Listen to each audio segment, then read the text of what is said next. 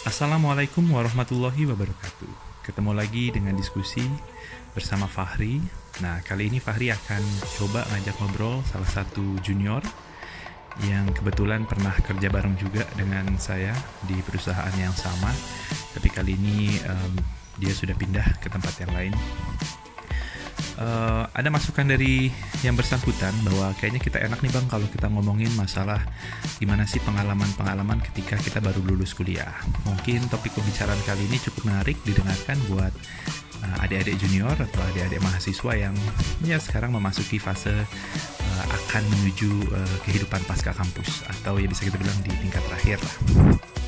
Oke, ini agak sedikit flashback ke beberapa tahun uh, yang lalu saya lulus di tahun 2012 ya 2012 2013 jadi ketika itu, ketika pertama kali baru lulus, uh, saya itu waktu itu sempat bekerja di salah satu perusahaan startup bidang engineering yang didirikan oleh salah seorang rekannya dosen saya. Jadi di situ saya berkenalan dengan bagaimana sih pertama kali untuk uh, deal dengan kehidupan profesional. Kerjaan saya waktu itu align dengan core kompetensi saya yaitu proses engineer. Jadi di tempat saya bekerja itu saya adalah satu-satunya proses engineer yang kita mulai untuk mensupport kegiatan-kegiatan yang atau proyek-proyek yang cukup besar lah. Memang bukan sebagai kontraktor utama, tapi kita memprovide service kepada kontraktor yang lain. Jadi sebagai subkon lah bahasanya seperti itu. Ya, kehidupan sebagai kontraktor sudah pernah saya jalanin dan pada akhirnya uh, yaitu untuk memupuk pengalaman pertama saya. Uh, aktivitas itu saya lakukan ketika saya masih uh, sekolah. Bukan sekolah sih masih ya masih studi. Karena kebetulan saya fast track jadi saya masih studi di uh, magister saya. Uh, saya sambil kerja in the same time beberapa bulan 8 bulan sampai pada akhirnya saya lulus. Nah ketika saya lulus saya memutuskan untuk oke okay, saya harus mencari tempat kerja uh, yang baru atau suasana environment yang baru. Jadi uh, lingkungan kerja yang lebih formal. Lingkungan kerja yang lebih formal di sini maksudnya adalah lingkungan kerja yang ya secara formalitas tuh lebih lebih kuat uh, employment statusnya. Karena mungkin bisa dibilang pengalaman sebelumnya itu ya lebih cocok kayak magang kali ya bahasanya seperti itu. Walaupun digaji dan dibayar. Nah uh, pencaharian kerja saya uh, tidak semudah yang dibayangkan sebahagian orang. Uh, mungkin mungkin banyak orang berpikir bahwa oke okay, untuk seorang Fahri dengan IPK sekian mencari pekerjaan itu mudah tapi tidak semudah itu pada dasar kebetulan ketika saya lulus memang kondisinya tidak se tidak sejelek yang sekarang. Dulu masih lebih bagus kondisinya dari sisi perekonomian dan juga industri. Jadi kalau misalkan mau dikomparasi ya sebenarnya nggak bisa dikompar mungkin mencari kerja zaman dulu jauh lebih mudah daripada sekarang. Tapi di zaman dulu pun ada effort yang pada akhirnya harus saya lakukan. Saya menyebar banyak CV ke berbagai macam perusahaan dan berbagai macam bidang. Saya tidak pernah membatasi bahwa saya harus bekerja di bidang ini, atau saya harus bekerja di bidang ini, atau saya harus bekerja sebagai ini. Itu enggak. Saya sebar ke berbagai macam bidang saya mulai dari uh, kontraktor lagi terus kemudian uh, oil and gas company sebagai user atau service company dan lain-lain bahkan even consultant company pun saya coba daftar satu persatu proses saya jalanin dan ada yang memberikan respon positif tapi tidak sedikit yang memberikan respon negatif waktu itu saya sempat memproses di beberapa perusahaan dan itu sudah hampir tingkat akhir jadi satu step sebelum medical check up dan semuanya kandas. Totally kandas. Jadi kayak saya, saya berpikir bahwa ya udahlah memang bukan jodohnya. Sampai pada akhirnya saya dapat di perusahaan pertama saya waktu itu di salah satu perusahaan uh, di daerah TBC Matupang. Di situlah saya akhirnya memulai karir saya. Kembali ketika saya memulai karir saya jalannya pun tidak mulus memang pada akhirnya saya coba membuka diri untuk berbagai macam bidang dan berbagai macam sektor baru tapi tetap ada di dalam lubuk hati saya itu bahwa saya tuh pengen jadi proses engineer. Saya mau jadi engineer lagi tapi mungkin Tuhan memiliki jalan yang berbeda. Ya sudah pada akhirnya sejalannya lah.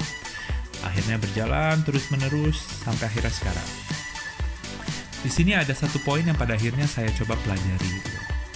Pada dasarnya eh, mencari kerja itu seperti mencari jodoh dan mencari kerja itu uh, saya melihat bahwa mungkin bukan hanya kualitas yang dilihat, tapi kecocokan antara kita dengan yang mencari kerja. Jujur ketika seleksi di perusahaan pertama saya waktu itu, uh, waktu itu ada program namanya apprentice, jadi kami bersama teman-teman yang lain, apprentice program yang lain, itu kita diseleksi uh, diseleksi dengan saingan uh, puluhan orang lainnya yang secara umum memiliki kualifikasi yang luar biasa. Banyak waktu itu lulusan-lulusan luar, luar negeri itu. Kami bersaing dengan para lulusan luar negeri. Tapi apa? By the end, yang kepilih uh, waktu itu ada sekitar 20 orangan apprentice itu hampir semuanya itu adalah lulusan dalam negeri, lulusan nasional. Dari sini kita bisa melihat bahwa uh, kompetensi itu didasarkan kualitas diri. Kita tidak bisa melihat uh, orang yang lulusan dari luar negeri itu memiliki kualitas lebih baik. Tidak. Dari mana pun kita lulus, selama kita memiliki kapasitas yang bisa kita tunjukkan kepada yang mencari kerja, maka kita bisa saja ditarik. Lebih kepada kecocokan. Makanya banyak yang bilang your manner is matter dan mungkin itu benar Ketika saya mencari kerja pun, saya nggak pernah menjual IPK saya segini pak, IPK saya segini bu, itu nggak pernah. Tapi yang saya ceritakan bagaimana usaha saya untuk pada akhirnya saya bisa mendapatkan IPK tersebut. Effort adalah sesuatu yang pada akhirnya dilihat oleh orang lain bahwa orang ini sebenarnya memiliki tingkat kegigihan yang seperti apa sih dan ketika nanti bekerja mungkin dia akan bisa mencapai achievement-achievement dari pekerjaan yang akan dia lakukan. Kira-kira sih seperti itu. Nah, sekarang kita bakal dengar cerita dari Lutfi ketika Lutfi mencari pekerjaan setelah dia lulus. Uh, setahu saya, waktu Lutfi baru lulus, um, kondisi industri atau kondisi mencari pekerjaan itu tidak semudah seperti zaman saya dulu. Dan trennya juga sudah berubah. Kalau zaman saya dulu mungkin trennya kepada industri-industri konvensional. Kalau sekarang lebih banyak anak-anak muda yang mencari pekerjaan di bidang-bidang uh, yang baru, startup, kemudian manajemen bisnis, dan lain-lain. Walaupun dulu sebagai sarjana tekniknya. Oke Lutfi, silakan. Oke, terima kasih Bang Fari atas kesempatannya. Senang bisa diskusi di platform sharingnya Bang Fari ya. Sangat-sangat inspiring menurut saya Loteng Paradis. Banyak value-value positif yang bisa diambil dari setiap ceritanya ya. Dan sebelumnya perkenalkan nama saya Muhammad Lutfi Sidki, biasa dipanggil Lutfi. Saya angkatan 2014, um, major saya teknik kimia dan kebetulan satu universitas yang sama dengan Bang Fari ya jadi uh, kita sebagai junior dan senior sering berkomunikasi lah oke okay. dari cerita-ceritanya Bang Fari tadi itu banyak sekali esensi yang bisa kita ambil. Jadi proses pencarian kerja itu uh, banyak membutuhkan effort atau membutuhkan effort yang besar gitu. Jadi kita harus mempersiapkan dengan matang plan plan yang terstruktur dan ada faktor-faktor lain seperti faktor kecocokan dan lain sebagainya yang harus kita hadapi nantinya. Jadi dari uh, situasi tersebut kita bisa membuat action-action ataupun uh, planning yang terstruktur gitu nah pada kesempatan ini saya ingin share dari sisi saya sendiri sebagai fresh graduate zaman sekarang gitu ya. Zaman-zaman uh, teknologi dan ya business development sangat-sangat uh, besar opportunity-nya saat-saat ini gitu. Dan roles-roles lainnya tentunya. Nah kaleidoskop mulai dari industri niche ya. Jadi kalau kita lihat dari 5 sampai 7 tahun ke belakang itu industri needs dari uh, um, uh, proses pencarian kerja itu sangat-sangat bervariasi sekarang. Di drive sama industri transformation ke arah teknologi. Banyak sekali perusahaan-perusahaan konvensional yang uh, sekarang juga mengarah ke arah teknologi untuk implementasi teknologi data science, data analytics, artificial intelligence dan lain sebagainya. Dari situ kita uh, menyimpulkan bahwa banyak peluang sebenarnya pada zaman sekarang. Mungkin bukan untuk core competence kita tapi hal tersebut bisa untuk membantu kita menuju dream jobs ataupun plan yang benar-benar kita siapkan gitu. Menurut saya dari kaleidoskop itu kita paham industry need sekarang banyak opportunity. Dan dari situ kita bisa membuat action-action terstruktur oh bagaimana kita mencapai uh, dream jobs kita gitu. Apakah kita join company A dulu company X dulu dia punya uh, value seperti ini, ini punya value seperti ini yang mungkin bisa kita aplikasikan nantinya di dream jobs kita gitu. Dan kalau boleh sharing experience saya uh, bermacam-macam dulu pernah join beberapa company dan roles-nya itu bukan core kompeten saya sebenarnya. Contohnya kayak perusahaan GIS, geospasial mungkin anak-anak sistem informasi atau geodetik itu lebih paham tentang itu.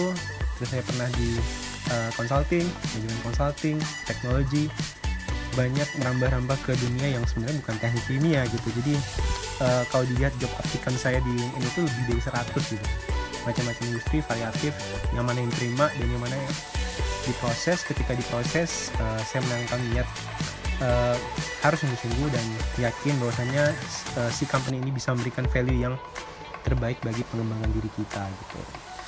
Nah dari situ kita sebenarnya bisa how to face the challenge nih dari macam-macam industri yang bervariatif sekarang sedikit mungkin yang ke arah oil and gas ataupun energi yang mungkin itu sebagai idaman anak-anak teknik ya bahasanya. Jadi wah saya pengen jadi uh, oil and gas energi dan lain sebagainya. Mungkin opportunity-nya kecil sekarang. Cuman untuk mencapai si uh, energi company itu dibutuhkan sebenarnya proses-proses pengalaman yang uh, unik gitu. Jadi itu sebagai bahan ceritanya teman-teman mungkin pada saat interview. Karena manusia itu makhluk yang subjektif sebenarnya. Pada saat interview HR itu bisa di ya kita bisa menggoyahkan hati HR itu gara-gara mungkin cerita unik kita kita bisa di, diingat gara-gara kita punya uh, experience di perusahaan XYZ dan itu sebenarnya membantu si perusahaan si dream jobs kita ini ketika di interview nanti uh, untuk semakin berkembang gitu. Jadi intinya kita harus unik gitu ketika uh, proses rekrutmen misalnya.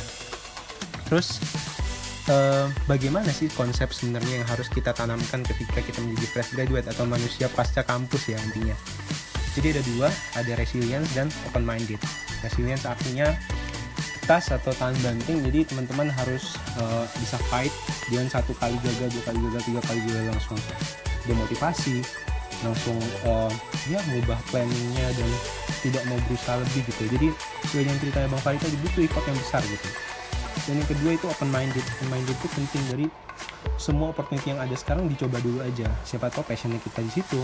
Jadi kita bisa membuat sesuatu yang baru dan kita bisa siapa tahu pengembangan diri kita sebenarnya di situ gitu.